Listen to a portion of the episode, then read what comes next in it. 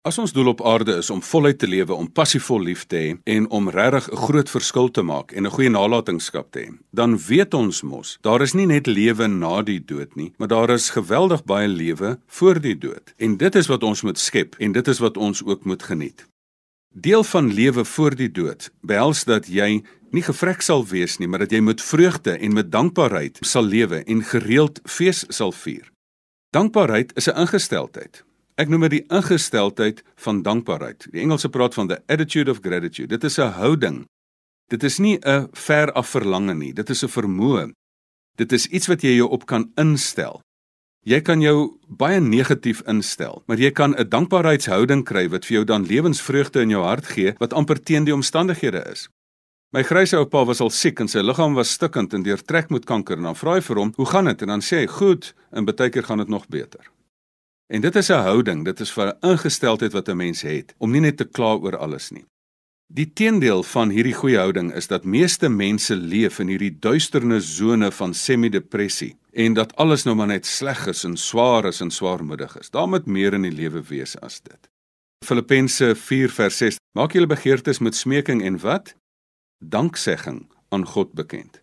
En dan sal hy vir julle die vrede gee wat alle verstand te bowe gaan. Verwondering word ontnugtering. Maar dan kry ons weer baie keer 'n nuwe verwondering en 'n nuwe gevoel van dankbaarheid as die dinge vir ons omgekeer word. Dit staan dan nie verniet in Habakuk nie dat al sou die vrye boom nie bot nie en al sou die dinge nie regloop nie, nogtans sal ek wat doen? Sal ek jubel en dankbaar wees in die Here. En hierdie dankbaarheid moet in die kleinste en in die grootste wees. Vir my is dit tot vandag toe nog vir iemand wat lank enkel was, As daar 'n bord kos voor my verskyn, is ek net dankbaar. Dit is vir my die wonderlikste ding op aarde. Wees dankbaar in die kleinste, wees dankbaar vir elke stukkie brood, vir elke stukkie kaas.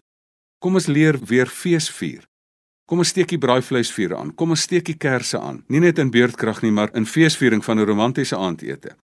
Is dit nie interessant dat Jesus nie skaam was vir feesvier nie?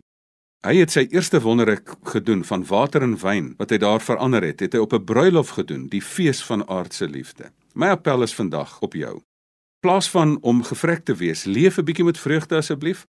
Die vreugde van die Here in jou hart. Vier fees. Kom ons vier gereeld fees. Kom ons leef lig. In plaas van swaarmoedig, leef ons met vreugde in ons hart. Leef ons met dankbaarheid. Geniet ons die geskenk van die lewe en ons maak dit spesiaal en ons vier dit omdat ek vandag so ontsaglik dankbaar is dat ek nog lewe en dat ek die geskenk van die lewe nog môre kan benut.